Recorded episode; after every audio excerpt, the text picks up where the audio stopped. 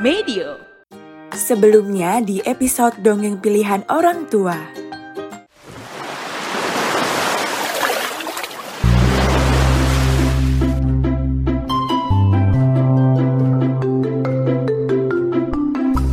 Momo pergi mengikuti ikan macan itu berenang di laut. Wah, ikan itu berenang sangat cepat.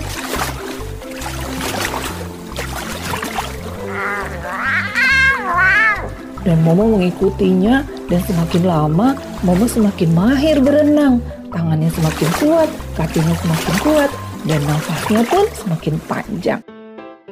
Kabar gembira untuk teman-teman semua. Saat ini kami juga hadir di platform Noise dengan dongeng-dongeng pilihan yang gak kalah seru. Jangan lupa ikuti dan dengarkan ya.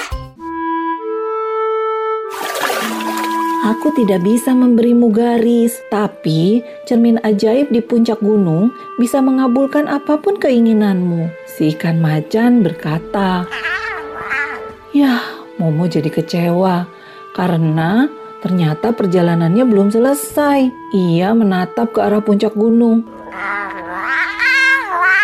Hmm, bagaimana mungkin aku bisa memanjat gunung tinggi?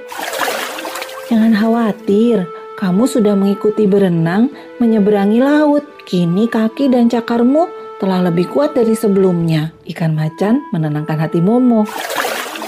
Kalau kamu sangat ingin mencari tutul, pergilah ke Gunung Biru. Kalau tidak, kembalilah ke rumahmu. Tentu saja Momo tidak ingin kembali ke rumah. Momo ingin membuat badannya punya garis dan punya tutul. Tanpa menunda lagi, Momo segera berlari mendekati kaki gunung dengan kaki dan cakarnya yang semakin kuat.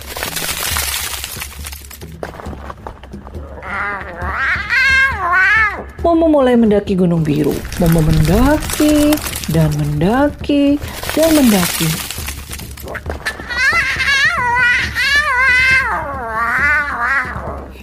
Tapi puncak Gunung Biru belum juga terlihat. Saat ia sudah semakin lelah, seekor burung seputih salju dengan bintik-bintik hitam terbang mendekatinya. Wah, indah sekali burung itu. Hai burung berbintik hitam, katakan kepadaku, bagaimana kamu mendapatkan bintik hitam seperti itu? Aku bukan burung berbintik, aku si burung hantu salju. Teruskan saja pendakianmu. Puncak sudah dekat. Kutunjukkan kepadamu bagaimana mendapatkan tubuh sepertiku. Mendengar jawaban si burung hantu, Momo jadi sangat semangat. Ia lupa kalau dia tadi sudah lelah dan terus mendaki.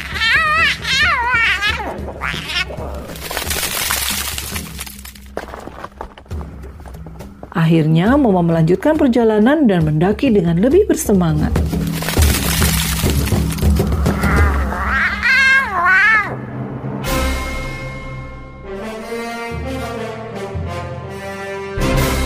Hmm, benar saja. Momo segera tiba di puncak Gunung Biru. Sebentar lagi, ia akan mendapatkan tutul garis, bintik, dan apa pun yang ia inginkan. Wah, Momo senang sekali.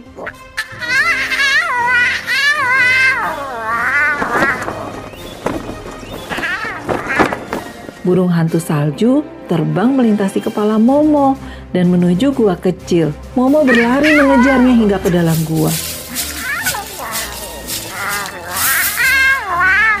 Momo belum tahu apa yang ada di dalam gua itu dan apakah dia akan berhasil mendapatkan titik dan garis yang dia inginkan.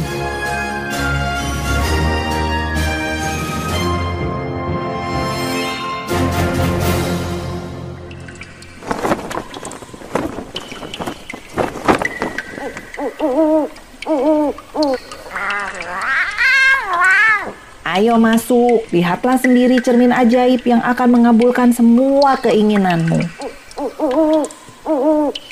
Ujar burung hantu salju. Hmm, cermin ajaib itu berdiri di tengah gua. Momo bisa melihat kilau perak yang dipancarkannya. Momo bergerak perlahan. Wah, ia senang sekali, sekaligus cemas karena sebentar lagi ia akan berubah menjadi macan yang sesungguhnya. Wah, Momo tidak bisa membayangkan apa kata orang tua dan teman-temannya nanti. Berdirilah di depan cermin dan pikirkan ingin menjadi seperti apa dirimu. Cermin ini akan menunjukkanmu apa yang kamu inginkan. Burung hantu salju itu bertengger di atas cermin besar itu. Ia menanti Momo dan Momo bergerak perlahan, perlahan, perlahan, perlahan mendekati cermin hingga ia melihat pantulan bayangan dirinya.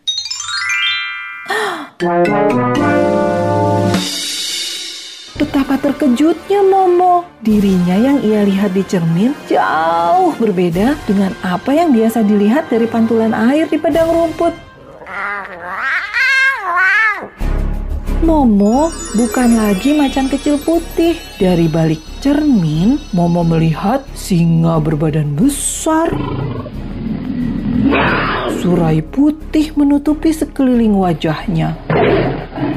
Kaki-kakinya begitu kekar. Cakarnya begitu besar dan tajam. Lalu matanya, mata Momo berwarna biru terang dan berkilau di dalam gua yang remang-remang. Hmm, hmm, apakah ini aku? Momo bertanya ragu kepada burung hantu. Siapa lagi kalau bukan kamu? Tapi aku terlihat berbeda. Burung hantu salju itu tersenyum. Bagaimana menurutmu dengan penampilanmu ini di depan cermin? Eh, uh, ya aku tidak memiliki tutul garis atau bintik. Tapi aku terlihat kuat dan hebat, jawab Momo. Cermin ini memang menunjukkan dirimu apa adanya. Cermin ini sudah tidak mengabulkan keinginanmu. Tapi cermin ini menunjukkan kamu sudah memiliki apa yang kamu cari. Momo mengangguk-angguk. Akhirnya dia sadar dan Momo menjadi lebih percaya diri melihat dirinya di cermin yang sekarang. Di seluruh hutan hanya ada satu macan seperti Momo. Semua macan memiliki tutul atau garis di tubuhnya kecuali Momo. Tapi Momo adalah macan berwarna putih tanpa setitik garis pun di tubuhnya yang menjadi macan tercepat terkuat, dan tangguh di seluruh hutan. Momo memang berbeda, tapi ia puas karena ia telah membuktikan ketangguhan dirinya sendiri berkat perjalanan menuju cermin ajaib. Wah, sekarang Momo sudah siap kembali dan dia ingin sekali menceritakan petualangannya kepada orang tua dan teman-temannya.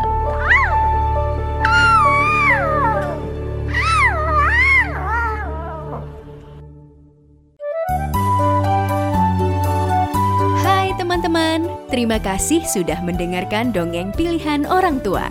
Sampai berjumpa di dongeng berikutnya ya teman-teman. Dadah!